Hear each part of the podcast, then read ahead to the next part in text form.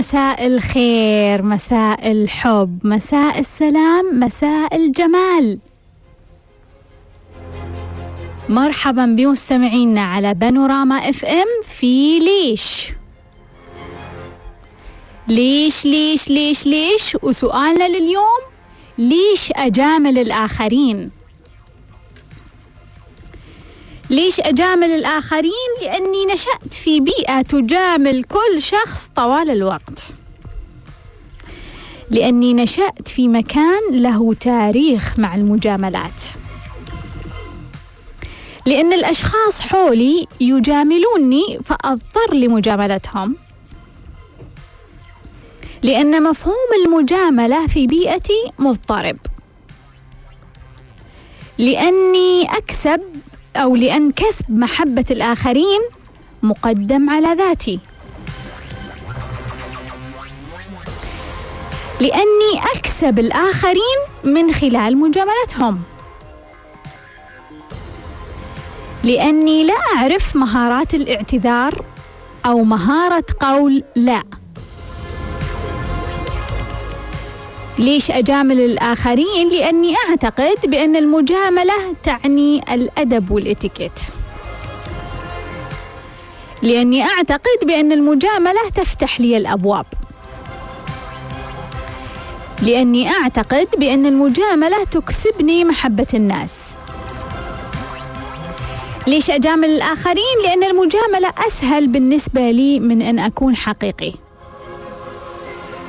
ليش أجامل الآخرين؟ لأني أشعر بالعار من نفسي حين لا أكون مجاملا ليش أجامل الآخرين؟ لأني أخاف من عدم المجاملة لأني أتوتر وأقلق من أن أكون حقيقي وغير مجامل لأني لا أتحمل أي شخص يعاملني بدون مجاملة ليش أجامل الآخرين؟ لأني أعتبر عدم المجاملة تكبر وغرور ليش أجامل الآخرين؟ لأني لا أملك الشجاعة الكافية بأن أكون حقيقي ليش أجامل الآخرين؟ لأني أحتاج إلى صندوق أو مجموعة لأكون من ضمنهم ليش أجامل الآخرين؟ لأن مصادر الطاقية تجامل طوال الوقت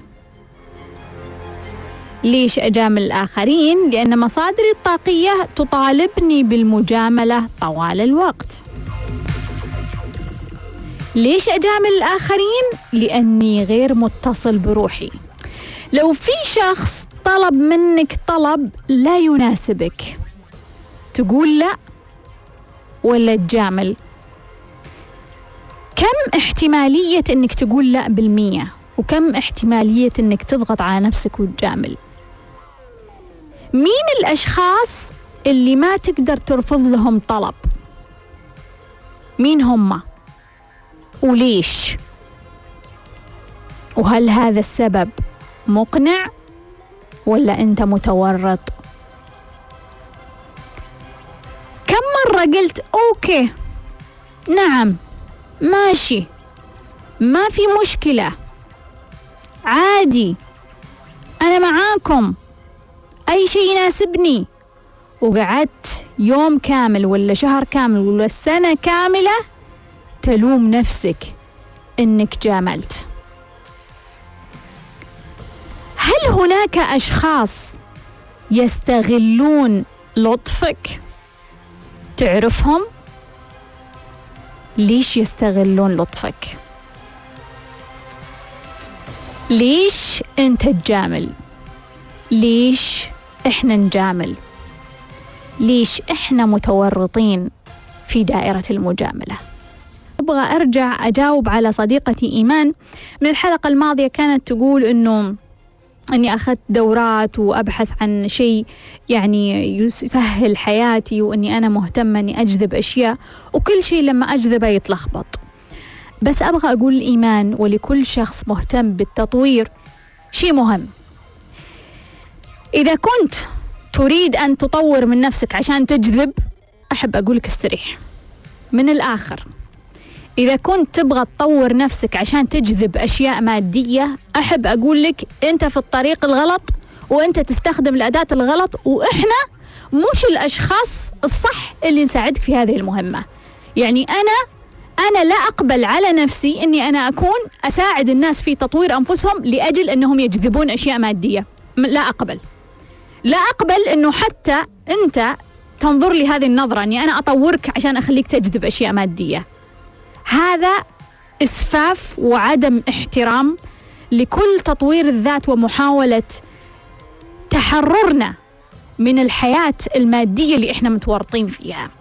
لكن إحنا نقول عندنا قاعدة إنه في اللحظة اللي أنت تتطور فيها المادة تكون سهلة الجذب يكون سهل لكن هذا مش هدف. هذا ليس هدف بالنسبة لنا.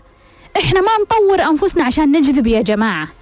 إحنا مو قاعدين نساعد في تطوير الذات عشان نجذب عشان أنت تصير لك وظيفة ولا تجيك جذب شريك الحياة هي بتصير بس هذا مش الهدف. فلما تدخل عشان هذا الهدف أحب أقول لك راح يتكسر هدفك مية مية مرة.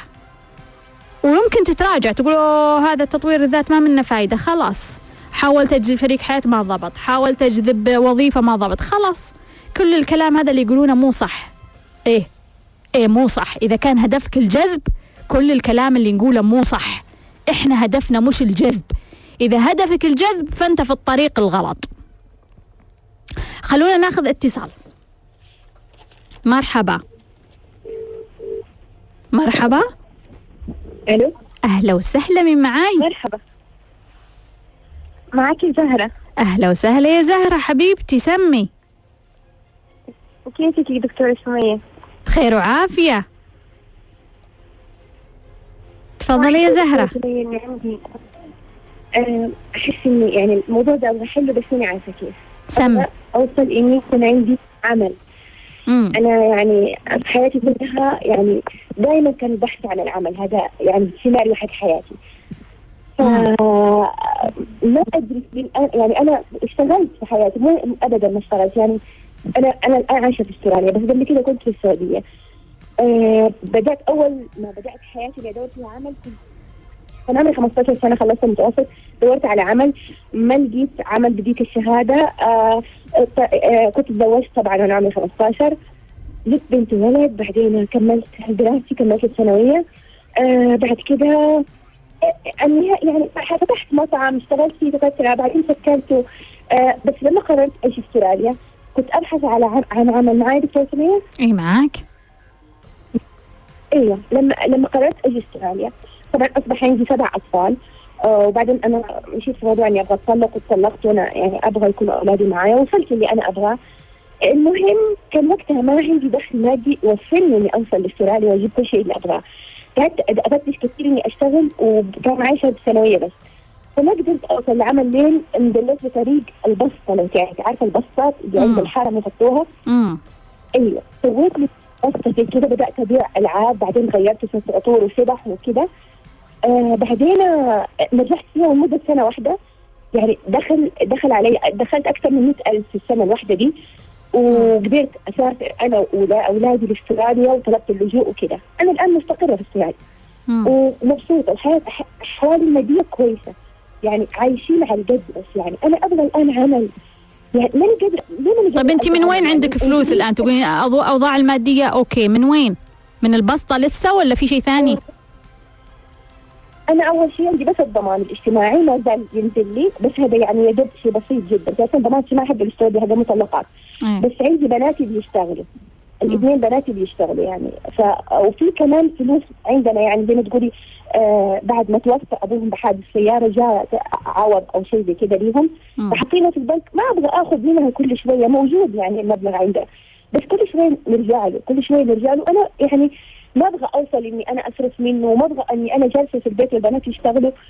هذا الشيء يعني أحس إنه مو بس إنه مو عادات ولا تقاليد أو مو أي شيء زي كده لا. أنا أحب العمل لما اشتغلت في البسطه رغم إنه يعني كنت أول ما بدأت قلت لا يعني إيش المستوى ده اللي أنا وصلت له؟ كيف تحت؟ أنا كيف؟ ومدري. إيه؟ يعني أنا أحس نفسي مثقفة كيف ممكن أشتغل؟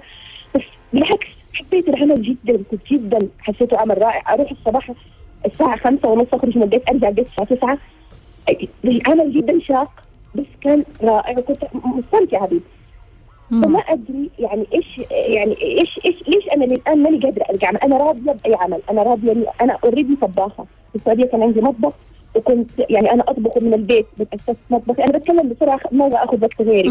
ف طب ليش ما تطبخين الآن؟ آه، بدأت يعني. أنا حاولت الآن حاولت إني أطبخ في البيت وزعت إعلان إني أنا أبغى أطبخ في البيت ما جاني إني أنا أطبخ للناس في البيت. سويت ريزن دي وزعتها على الحوال محلات كثيرة. شيء أكون آه، آه، محضرة طعام. أنا ما عندي مانع دش ووش أي شيء أي غسل مواعين يعني. أنا ما عندي مانع بأي طبيعة عمل أنا مستعدة. يمكن عندي يعني داخلي آه، وزن زيادة. يعني آه، كنت أقول يمكن ما, ما أقدر على العمل اللي هو البسطة كانت عمل شاق. بس كنت يعني حقتي. وكنت ح- حاطة كرسي أقوم واشتغل وأرجع أقوم أشتغل وأرجع. هنا العمل اغلبه ساعات طويلة وواقفة. سوف يكون عندي السبب ده بس في نفس الوقت الآن أنا خسرت 30 كيلو 29 كيلو الآن خسرتها خلال الأربع شهور هذه. فأعتقد إني أنا بالوزن اللي نزلته هذا إني لسه عندي وزن زايد بس أعتقد إني إني أنا أقدر يعني الان أشتغل أي عمل أقدر أوقف خمسة ساعات متصلة يعني إذا كانوا يبغون خمس ساعات متصلة معي أقدر ليه الآن ما عندي عمل؟ أبغى أفهم بالنقطة. وأنت سويتي تخفيف عشان العمل؟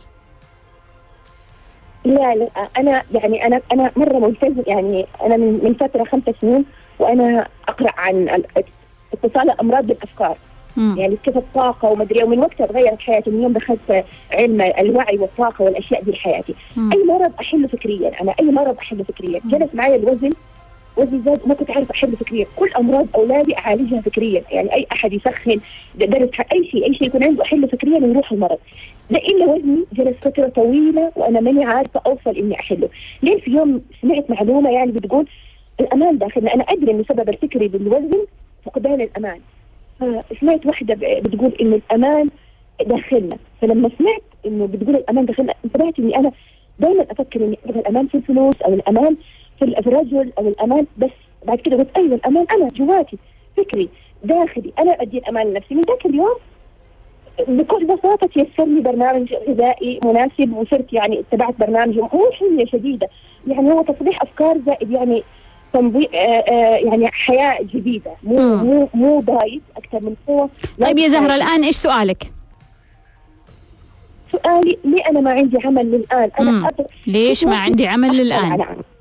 ليش ما عندي عمل للآن؟ أحدث طيب شكرا يا زهرة. ممكن ممكن دكتورة سماية سمي. بنتي عندها سؤال. تفضل بنتي. أهلا دكتورة سماية كيف حالك؟ خير وعافية أهلا وسهلا حبيبتي.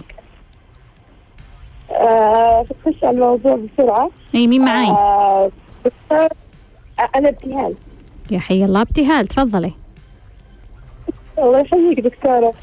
أنا مشكلتي تقريبا مرة أبدا ما لها علاقة بمشكلة ماما. أنا أشتغل عادي كل شيء بس مشكلتي إنه أي شغل أي شغل أدخل فيه مستحيل أقدر أستمر فيه أكثر من ثلاث أربع شهور. يعني أبدأ الشغل أكون مبسوطة حدي بس أول شهر بعدين عرفت تبدأ تصير مشاكل. في العمل ما يحترموني. آه، ما فيش. ما يطاقم. برجع البيت برجع البيت. وحدي أوصل البيت يعني أروح أسيب الشغل. أقول يمكن هذه إشارة. يمكن هذه الروح قاعد تقول لي إن الشغل ده مو مناسب ليكي أروح أسيب الشغل مم. أقعد في البيت يدوب أسبوعين أتضايق. اصير ضايقه في البيت. ماني طايقه قاعدة في البيت. أبغى شغل. مم. وأقعد قاعدة يعني يمكن لي دحين سنتين وأنا في نفس المنوال. أخش شغل جديد خمسة ستة شهور أتضايق أقعد في البيت أتضايق أروح الشغل يعني ماني قا- يعني ماني مرتاحة لا كذا ولا كذا طيب أقول لك الرسالة يا ابتهال كذا. أقول لك الرسالة يعطيك يا حبيبتي. شرفتيني حبيبة كل قلبي. حبيبتي الله يحفظك. شكرا جزيلا. ناخذ اتصال. مرحبا. مرحبا. ألو. أهلا وسهلا. مين معاي؟ دكتورة سمية. يا أهلا وسهلا. كيفك دكتورة؟ يا حبيبتي مين معاي؟ آه معك سارة أهلا وسهلا يا سارة سمي أنا وأختي مرة مرة مرة نحبك دكتورة يا. حبيبتي سمي الله يسعدك. آه أنا اشتركت معاك بدورة الخوف ودورة الثقة بالنفس مم. آه سؤالي إنه أنا اليوم اللي, اللي ثلاثة أيام أمسك المخاوف التسعة مم. فما عندي إلا شخص واحد اللي هي أختي ان أنا أقدر أحكيها بالطريقتين الم- المتناقضة مم. عرفتي؟ مم.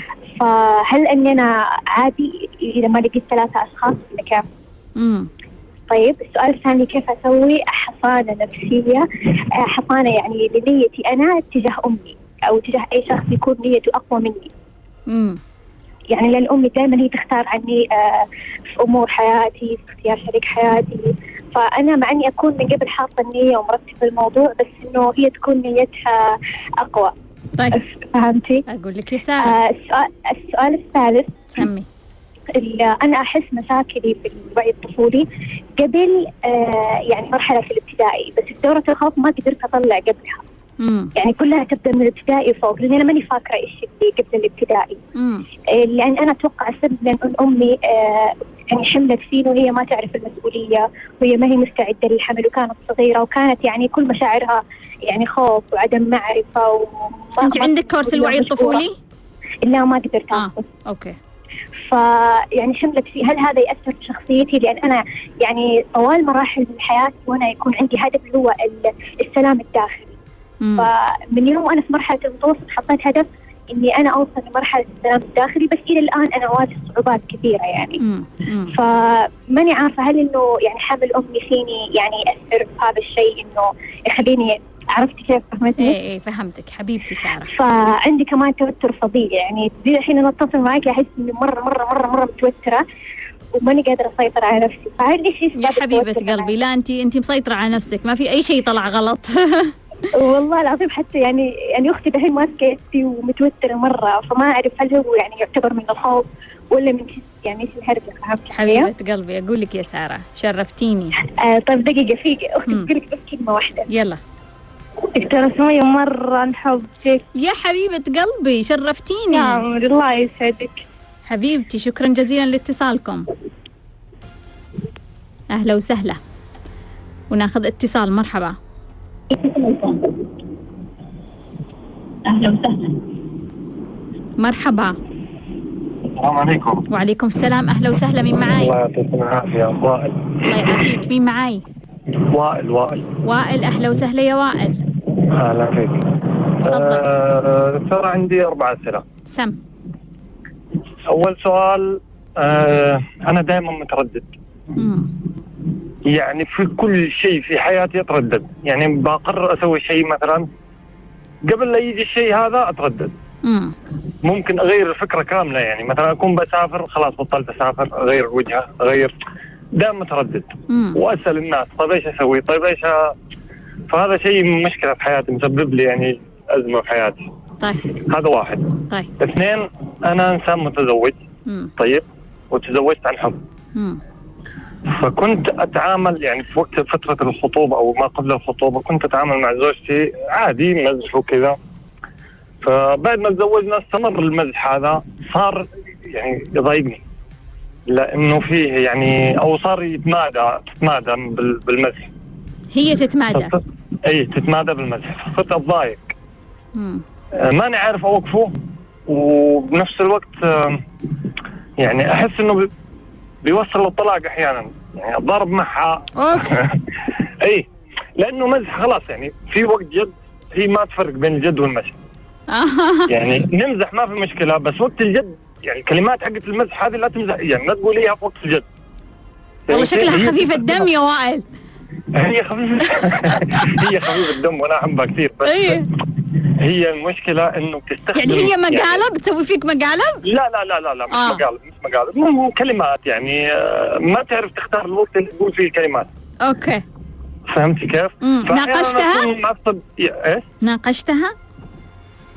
ناقشتها في الموضوع تقول لي أنت صاير مدري وشو أنت صاير. صاير نفسية ها؟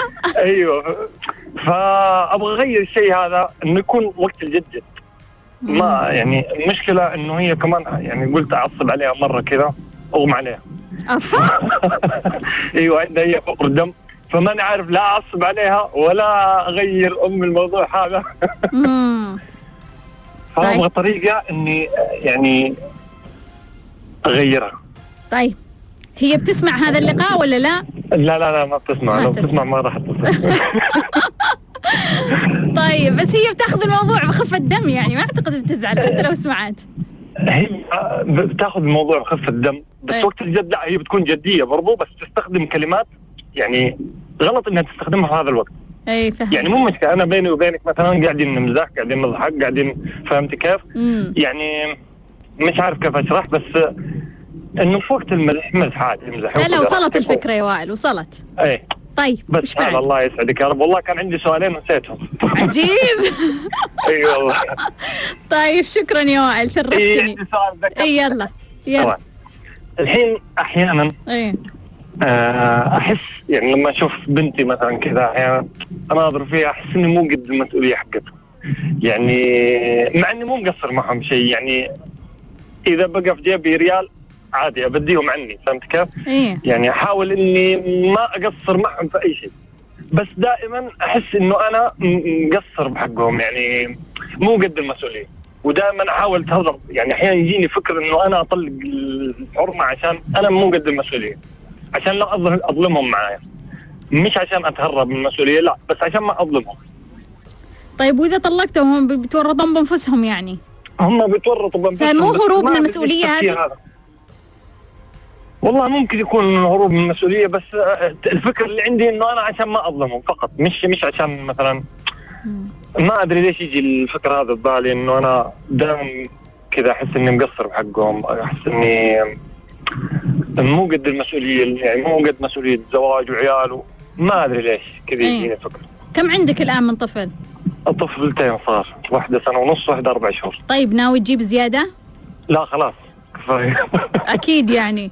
إن شاء الله أي طيب قد إنه أن عند وصلت لهذا القرار والوضوح طيب وائل بس باقي أسئلة ولا خلاص لا خلاص الله يعطيك. العافية يا رب شكراً جزيلاً. وبرنامجك جدا جميل أنا جديد هذا. المستمع جديد ترى و- الله يحييك. جدا أستمتع في أهلا. وسهلا يا وائل شرفتني الله. شكرا جزيلا خلوني أجاوب على بعض الأسئلة اللي وردتني أول شيء عندنا سؤال زهرة وقصتها يعني بدأت آه، لما كانت في السعودية وتبحث عن عمل آه، من خم... من يوم كان عمرها 15 سنة.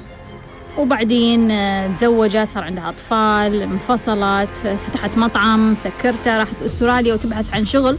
فتحت بسطة كسبت منها فلوس. والآن بناتها يشتغلون لكن هي ما عندها شغل. وعلى ما يبدو إنها يعني آه، تبحث عن العمل وما حصل لها شغل. آه، زهرة أقدر أقول أنه عندنا يعني كركبة في معتقدات عن المال. يعني مثلا كونه في فلوس إحنا خايفين ناخذ منها آه انت داخلة ضمن الضمان الاجتماعي للمطلقات آه تاخذين فلوسك يمكن من بناتك. فعندنا كثير من المعتقدات المرتبطة وأعتقد أنها قد تكون جتك من خلال تجربتك. يعني كونك يوم عمرك 15 سنة نزلتي سوق المال أو سوق العمل خلينا نقوله أن نزلتي سوق العمل في وقت مبكر وما كانت ال 15 سنة يعني الهوية آه، لسه مش ناضجة والإنسان في عمر 15 سنة يبحث عن الهوية ويحاول أن يفهم الأشياء في الحياة. فلما 15 سنة ينزل الميدان وما يحصل شغل ولا يحصل فلوس كيف بيفهم الحياة؟ بيفهم الحياة أنه المال صعب يجي المال معقد المال مو أي أحد يحصل عليه. المال يحتاج مشقة وأنه أوقف أنا يعني ساعات طويلة وأطلع في بسطة من الصباح للساعة 9 المساء. فكل هذه المعتقدات على ما يبدو أنها يعني صارت مجموعة كبيرة من الفلاتر اللي تمنع عنك أنك تصلين للمال بطريقة سهلة وسلسة وميسرة. هذا الكلام الجانب الفلسفي. فأنا أؤمن بأنه تعديل المعتقدات والأفكار والمفاهيم عن المال يحسن الواقع اللي أنت فيه. على أرض الواقع مؤكد إنه في مهارات أنت ما هي موجودة عندك يعني. مهارات يمكن التسويق يمكن تسويق لنفسك يمكن ما قدرتي تقنعين الأشخاص اللي تعملين معهم مقابلات إنك آه، تثبتين لهم أو تقنعينهم إنك شخص جيد. لما مثلا قلتي أوكي أنا عندي طبخ حاولت أطبخ بالبيت ما في أحد يعني وصلني وكذا. هنا برضو يجيني كيف قدرتك في إقناع الآخرين أنه أنت أكلك لذيذ أو مختلف أو أنه يعني الأكل مليان في كل مكان في أكل فإيش اللي يخلي الناس يجون يشترون من عندك؟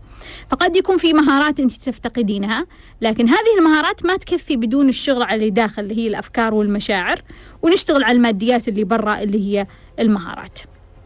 ابتهال تقول أنا أشتغل من ثلاث إلى أربع شهور بعدين آه، تجي مشاكل عدم احترام بعدين أهج من الشغل أقعد آه، شهرين في البيت أو أسبوعين بعدين أمل بعدين أرجع أدور شغل بعدين ألقى مشاكل بعدين أهج وهكذا.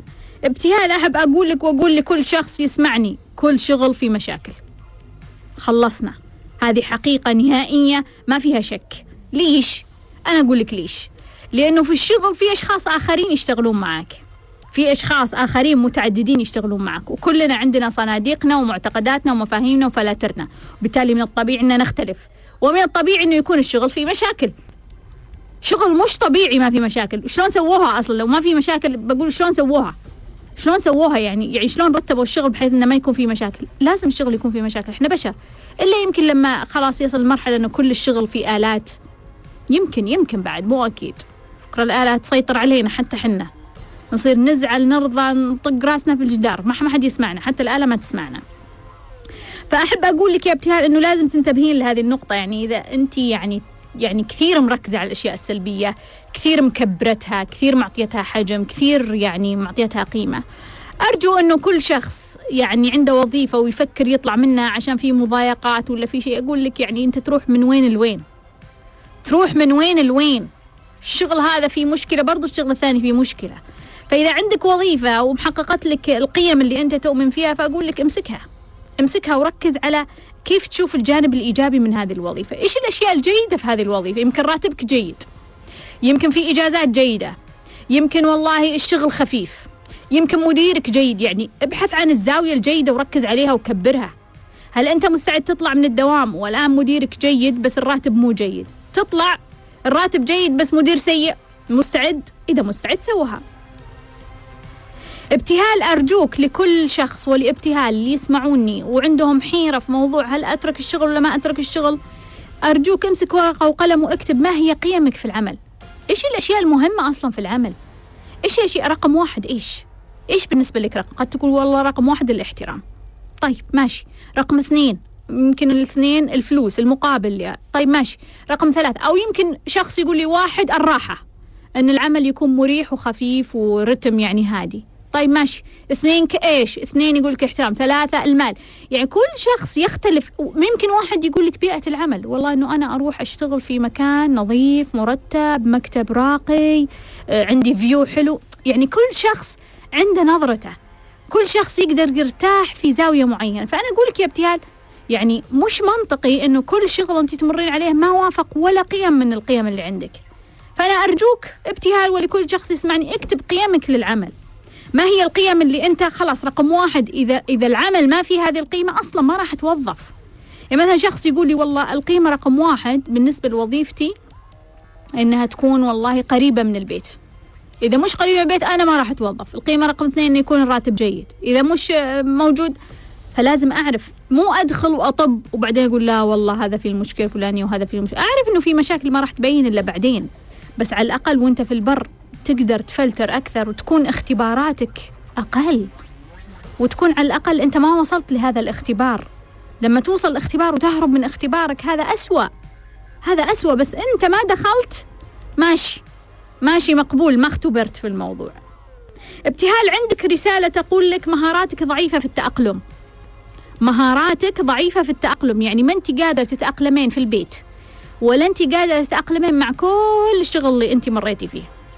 كل الوظائف اللي انت مريتي فيها فلا بد تطورين مهارة التأقلم عندك. كيف تتأقلمين؟ كيف تحتوين الآخرين؟ كيف تتقبلينهم؟ كيف تحبينهم؟ ما أبغى أقولك أقفزي وحبيهم بس على الأقل ابدأي بمهمة أنه أنا كيف أتقبل الآخرين؟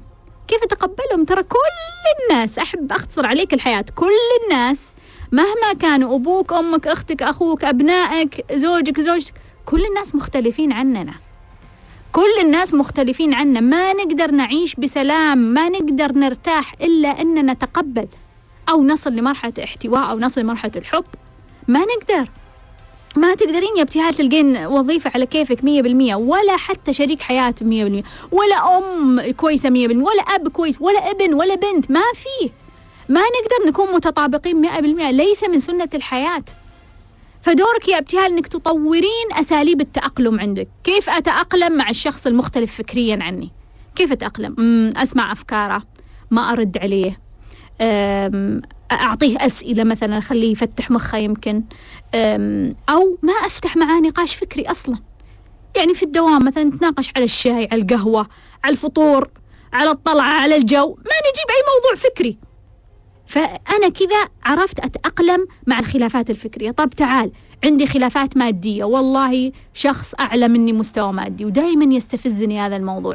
ولا واحدة عندي تهايط في فلوسها ومضايقتني في الدوام. تعال كيف أتأقلم مع الأشخاص الأثرياء اللي مو مستوى؟ أو عندي واحدة يعني مستواها المادي جدا ضعيف ويعني وضعها مزري وما عجبني شكلها ومتضايقة من شكلها ومتنرفزة من شكلها. طب تعال كيف إذا أنت ثري كيف أتعامل مع الفقراء؟ كيف أتأقلم مع الفقراء؟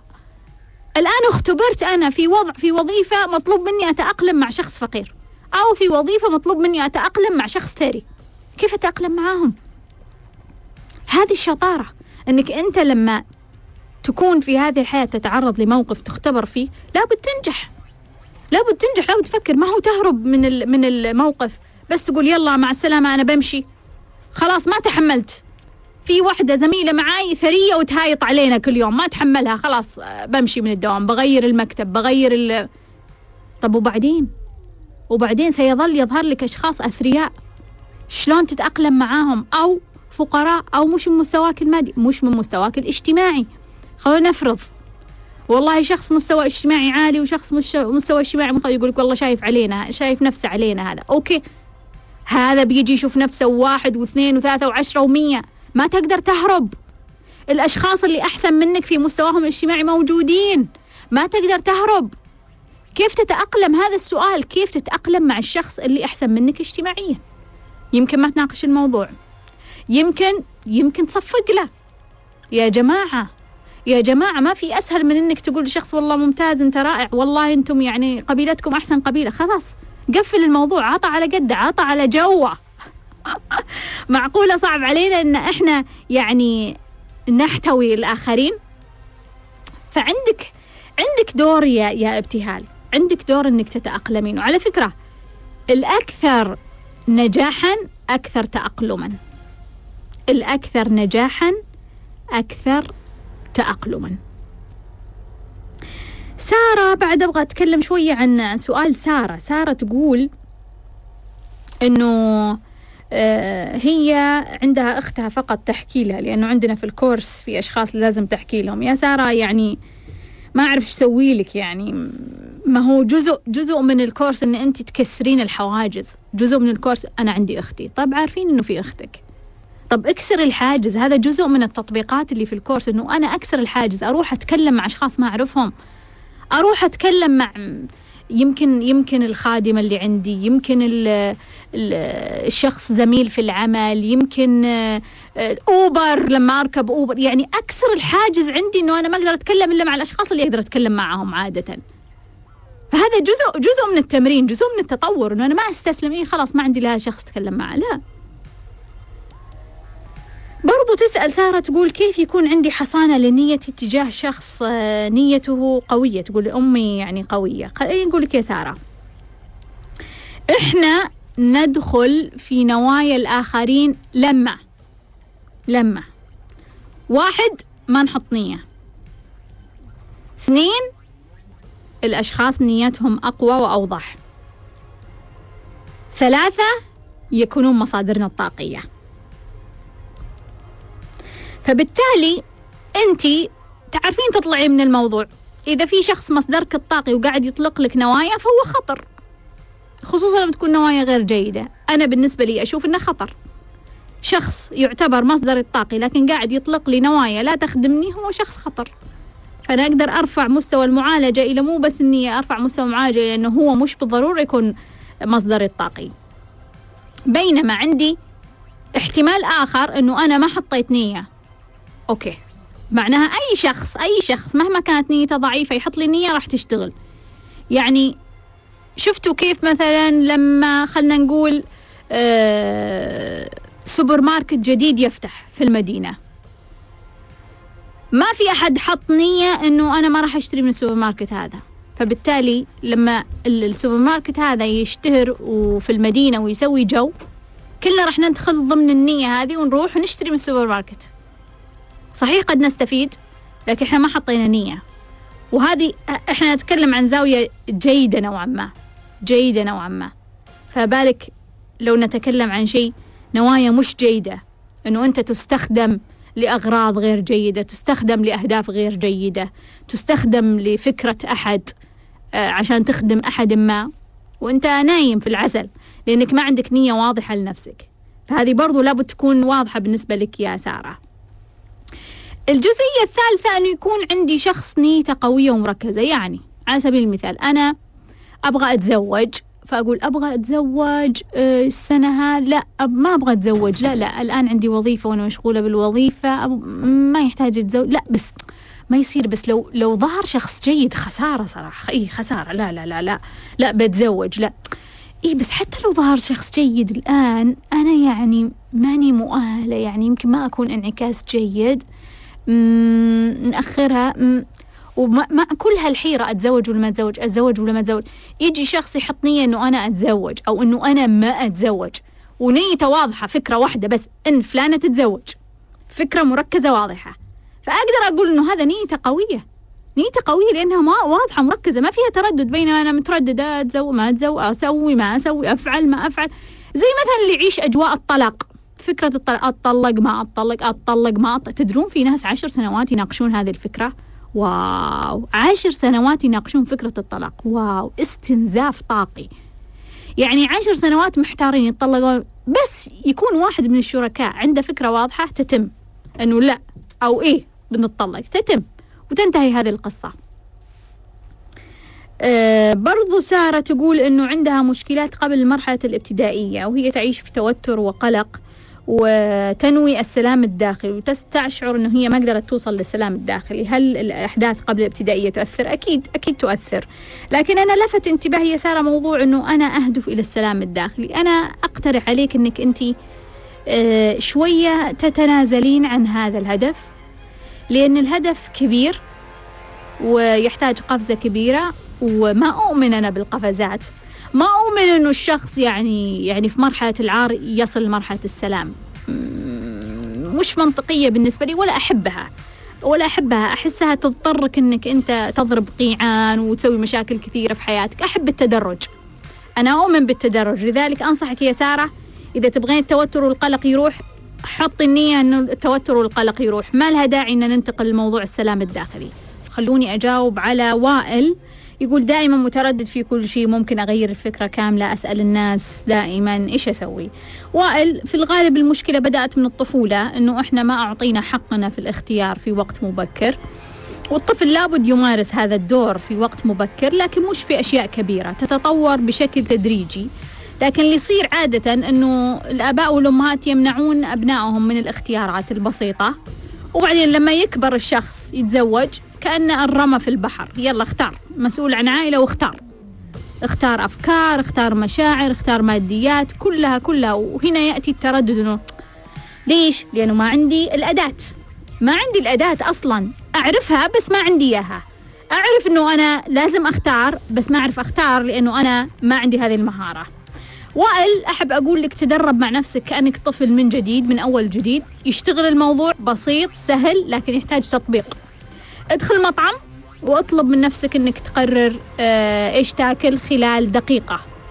طلع المنيو كذا بشكل سريع وقرر بشكل سريع. بعدين ابدأ بالأشياء المتوسطة يعني هذه الأشياء البسيطة. اطلب من نفسك إنك لمدة أسبوع تقرر الأشياء البسيطة لمدة دقيقة. يعني أبغى أرسل رسالة لفلان ولا ما أرسل؟ خلال دقيقة لازم تقرر. صح أو غلط؟ مش موضع تفكير. مش موضوع تفكير بس فكر إنه أرسل ولا ما أرسل؟ خلاص لازم أقرر. وبعدها لا تفكر هل سويتها صح أو غلط. بعدين انتقل للقرارات المتوسطة اللي على مستوى متوسط.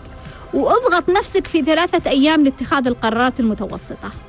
كذا راح يكون عندك مهارات جيدة وبعدين انتقل للقرارات الكبيرة. بس يحتاجها وقت لما توصل هذه المرحلة.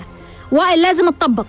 لازم تطبق. على الأقل ابدأ بالقرارات الصغيرة أنك تقرر بسرعة تقرر بسرعة بدون ما تسوي لنفسك تأنيب ضمير بدون ما تحاسب نفسك على الغلط.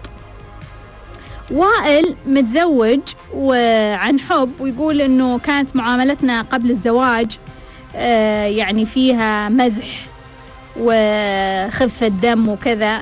يقول الآن صار يضايقني الموضوع لأني أحس أنها تتمادى في المزح. وأنها ما تفرق بين لحظة الجد وبين لحظة المزح. وناقشتها يعني لما ناقشها تقول أنت متغير. صراحة أنا معاها. أنا معاها. يعني يعني أنا أقول إنك أنت متغير. وائل يعني أنت تزوجت وتعرف هذه البنت إنها هذه طريقتها في الحياة وهذه يعني خفه دمها وهذه يعني هي شايفة الحياة بهذه الطريقة. وصراحة إنه من النادر إنك تلقى أشخاص عندهم هذه الروح. فأنا قلت لك مقالب قلت لي لا. يعني معناها المزح حقها بالكلام ما يضر ما يأثر. يعني هو بس إنه أنت لما تكون في مستوى يعني جدا متدني من المشاعر خلينا نقول أنت معصب غاضب خايف تشعر بالحزن هي تكون تنكت وتضحك. ففي فارق بالترددات. عشان كذا أنت تتضايق. عشان كذا أنت تتضايق وتروح تأنبها. تروح تأنبها. لاحظ إنك تروح تأنبها. فانا أقترح إنه أنت يا وائل ترجع زي أول. نسختك القديمة كانت أفضل. زائد إنه أنت تعرف كيف تتأقلم مع الجو. كيف تتأقلم. الله الله لو يكون عندنا أحد لما نكون جد والوضع متوتر والوضع يعني يعطي نكتة آه، تفجر كل الطاقة السلبية. إيش أحلى من كذا يا وائل؟ إيش أحلى من كذا يا وائل؟ طيب. آه يعني أنا أحس إن عندك رسالة لابد إنك تفهمها وعندك مسؤولية التأقلم.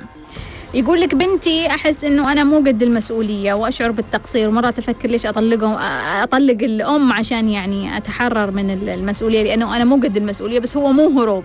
بس أحب أقول لك يا وائل هو هروب. لو سويتها هو هروب. بس خلني أقول لك ليش كل الأشياء هذه أصلا صايرة عندك. يعني أنت يعني آه، تشعر إنه الحياة فيها ضغط كبير عليك وتشعر إنه أنت انحطيت في موقف أكبر منك يتطلب منك آه، جد وأنت قاعد آه، تبغى توصل هالمرحلة الجد وزوجتك بشعورك إنها تلخبط عليك وتصير خفيفة الدم في الوقت الغلط. يتطلب منك اتخاذ قرارات وأنت ما عندك مهارات اتخاذ القرارات. يتطلب منك إنك تدير هذول الأطفال وأنت ما عندك القدرة والمسؤولية على إدارة هؤلاء الأبناء. فأنت تعيش من واقع تأنيب ضمير. يعني تأنيب الضمير عندك أو مرحلة التأنيب عندك عالية تعيشها بشكل مستمر تؤنب نفسك طوال الوقت. قراري صح قراري غلط لا أنا غلطان. أه وتحاول تأنب اللي عندك. يعني بتدخل زوجتك في التأنيب تلومها حتى على أسلوبها على طريقتها. تلوم نفسك على طريقتك مع أبنائك على عدم مسؤوليتك. فأرجو منك يا وائل أنه ما تضغط على نفسك أكثر من كذا. أنت قاعد تتدهور. أنت قاعد تتدهور يا وائل. شكرا أنه أنت اتصلت. أرجوك في مقطع على اليوتيوب أبغاك تدخل على قناتي على اليوتيوب اسمه سلم هاوكنز التأنيب. وأرجوك أنك تسمع هذا المستوى. أرجوك. أو اسمع كل السلم عشان تستفيد. عشان تعرف أنه أنت وصلت مرحلة تبغى تهرب من اختباراتك في اختباراتك في الحياة. عشان أنت مو قاعد تسوي اتفاق مع مشاعر التأنيب الضمير. لازم تتحرر من التأنيب يا وائل. لازم تتحرر من التأنيب وتستخدم أدوات تحررك من التأنيب. أرجوك روح لليوتيوب واسمع. وخلونا ناخذ اتصال. مرحبا. أهلا. أهلا وسهلا. مين معاي؟ مرحبا دكتورة معك. لما أهلا وسهلا يا لما حبيبتي تفضلي. آه دكتورة عندي سؤال آه أنا شفت آه، الفيديو تبعك على اليوتيوب مم. عن التنظيف مم. أنا ماني فاهمة أنت أنت وأنت تتكلمين قلتي ابدأي في أقدم ملف أنا كيف أعرف إن هذا الملف قديم أو كيف مم. ما تتذكرين أنت؟ أقدم ملف تتذكرينه مؤلم بالنسبة لك أتذكر عدة مواقف إي أقدم واحد فيهم طيب دكتورة إذا شفته وعملت الفيديو إنه أنا أتكلم عن الموضوع بعدين أرجع أشوفه مم. كيف أحل الموضوع؟ كيف أصحح هو مجرد خليني أقول لما طيب دكتورة إيه. عندي شيء ثاني. سمي دكتورة أنا أحس إني ما أفرح من قلبي. يعني في أشياء تحصل لي آه، تستحق السعادة أنا ما أفرح فيها مرة. مثلا لو شيء كنت أتمناه وحصلت عليه ما أحس إني أنبسط الفرحة الكافية. يعني لما تحصلين أهدافك ما تفرحين فيها؟ تقريبا أيوة. خليني أقول لك يا لما أو حاليا عند- دكتورة صار عندي رغبة قوية جدا إني أحرر نفسي. أحس إني من داخل مقيدة في قيود كثيرة. مم. ماني عارفة يعني كيف أبي أحس إني خفيفة أبي أحس إني خلاص ما في قيود. مم. أبي أتخلص منها. أخذتي أي كورسات؟ لا تنظيف؟ دكتورة لا مم. دكتورة حاليا ما عندي القدرة المادية مم. كنت أبغى أخذ أول دورة أفكر فيها الوعي الطفولي مم. مم. آه دكتور وآخر سؤال إذا. تسمحين سمي آه بالنسبة لسلم هاوكنز كيف أعرف أنا بأي مرحلة يعني أنا حاسة إني بمرحلة الخمول بس أحس بنفس الوقت الخوف كيف أعرف بالضبط أنا في أي مرحلة وكيف أنتقل للمرحلة اللي بعدها مم. ويعطيك العافية دكتور شكرا دكتورة لما شرفتيني طيب خلوني أجاوب على لما لأنه ما عندنا وقت ناخذ أسئلة. آه، لما آه، شافت ال- اليوتيوب عندي موضوع عن التنظيف. هو صراحة مقطع جدا مهم وقيم للي يبغى يعني يجدد من نفسه ويتنظف ويصنع نسخة جديدة على الأقل كبداية. تقول كيف أعرف أقدم ملف؟ أقدم ملف يعني إحنا لما نتذكر مشاكلنا وسلبياتنا ومواقف الماضي أقدم ملف يعني بالعمر بالعمر يعني أقدم ملف. كيف أنه أنا أتحرر من مجرد فيديو؟ لما أشوف في شيء مهم جدا أنه الشخص ال- النائم المشكلة عايمة ومو واضحة وموجودة ضمن ملفات آه، بغير مكانها الصحيح. الوعي أنك أنت تطلع المشكلة على السطح. الوعي أنك تطلع المشكلة على السطح. هذا هذا جزء كبير من الوعي. شايفة الأشخاص اللي يعترفون بمشاكلهم؟ شايفة لما يكون عندي فستان جيد ما أبغى أطلعه من الدولاب ما أبغى أطلعه يعني وأتصدق فيه ولا أحطه في الزبالة لأن لأني أبغاه بس ما هو قدي. فأحطه يعني في آخر الدولاب بحيث إني ما أشوفه. فالوعي بالنسبة لنا إني أجيب الفستان وأحطه قدامي. أشوفه. أي ليش الفستان هذا محطوط في آخر الدولاب؟ لأن ما أبغى أشوفه لأنه يذكرني أنا مو نحيفة أو لأنه يذكرني أنا شريت شيء غالي بس ما استفدت منه. أي خلاص خلني أشوفه وأواجه الحقيقة. ليش أهرب من الحقيقة؟ فهذا هو الوعي اللي إحنا نقصد فيه إنه أنت لما تسجلين فيديو راح تتحدثين عن مشاعرك. وهذا الحديث راح يحرر لك كثير مشاعرك ويفهمك الموضوع ليش صاير وكيف صاير وكيف تنظرين له أنت وبعدين لما أنت تشوفين نفسك راح تفهمين كثير أشياء ما كنت تقدرين تفهمينها بمجرد كون شيء أنت تفكرين فيه في الداخل. اللغة تطور الفكرة. يا جماعة اللغة تطور الفكرة. لذلك أحد طرق تطوير مشاعرنا أن نتحدث عنها. فإحنا لما نتكلم عن مشاكلنا بطريقة صحيحة نطورها ونعي فيها ونحجمها. لما تقول أنا ما أفرح لما يحصل لي هدف. هو لأنه مش هدفك يا لما. لأن الهدف هذا مش هدفك لأنك أنت ماشية في أهداف في الوعي الجمعي. الناس يبغون يحصلون على الجامعة خلاص نحصل الجامعة. أوه اكتشفت يوم حصلت الجامعة ما انبسطت. إيه لأنه هدف الناس مو هدفك. كنت أبغى أتزوج بس لما تزوجت ما انبسطت. أمم إيه أوكي. لأنه هذا هدف الناس إنه إحنا لازم كلنا نتزوج. بينما أنت يمكن ما تكونين صالحة للزواج أو ما تبغين تتزوجين أصلا. وقيسي على ذلك كثير من الأهداف إنه إحنا نسويها بدون وعي. ما نعرف إحنا نبغاها ولا الناس يبغونها بس نكرر أهداف الآخرين.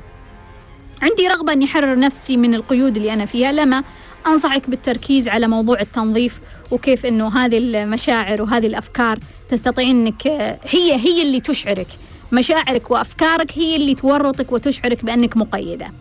كيف أعرف أنا على أي درجة من سلم هاوكنز بكثرة ال- السلوكيات أو المشاعر أو الأفكار اللي تدل على المرحلة. فتقول أنا عندي خمول وعندي خوف. ممكن أن نحس أنه أن أحيانا نكون هنا وأحيانا نكون هنا لكن لابد أن نغلب. يعني تقولين في الغالب أنا بإمكانك تقيسينها بورقة وقلم. يعني تقولين مثلا يوم السبت هل كان شعوري خمول ولا خوف؟ كم موقف مر علي خمول كم موقف خوف؟ مر هنا خمسة مر هنا أربعة. يوم الأحد يوم الاثنين يوم وهكذا وتجمعينهم. يعني جمع وطرح زي ما نقول. ومن خلالها تحددين أنت في أي مرحلة وإحنا عادة عندنا مرحلتين رئيسيتين اللي هم القمة والقاع. يعني قد تكون قمتك خوف وقاعك خمول. فأنت عادة إذا كنت يعني في أحسن حالاتك صرتي خوافة وإذا كنت في أ- أسوأ حالاتك صرتي خاملة. كيف ننتقل؟ ننتقل بالتركيز على المرحلة التي تليها. يعني نركز على المرحلة التالية للمرحلة اللي إحنا فيها. نركز عليها إيش فيها من سلوك؟ إيش فيها من أفكار؟ إيش فيها من مشاعر؟ ونكثرها ونكثفها في حياتنا. وبناء عليها راح تظهر أو تتجلى أو أو تنقلنا إلى هذه المرحلة. أتمنى تكونوا استفدتوا واستمتعتوا من لقائنا في ليش لليوم وتذكروا الدنيا خضرة حلوة. إلى اللقاء.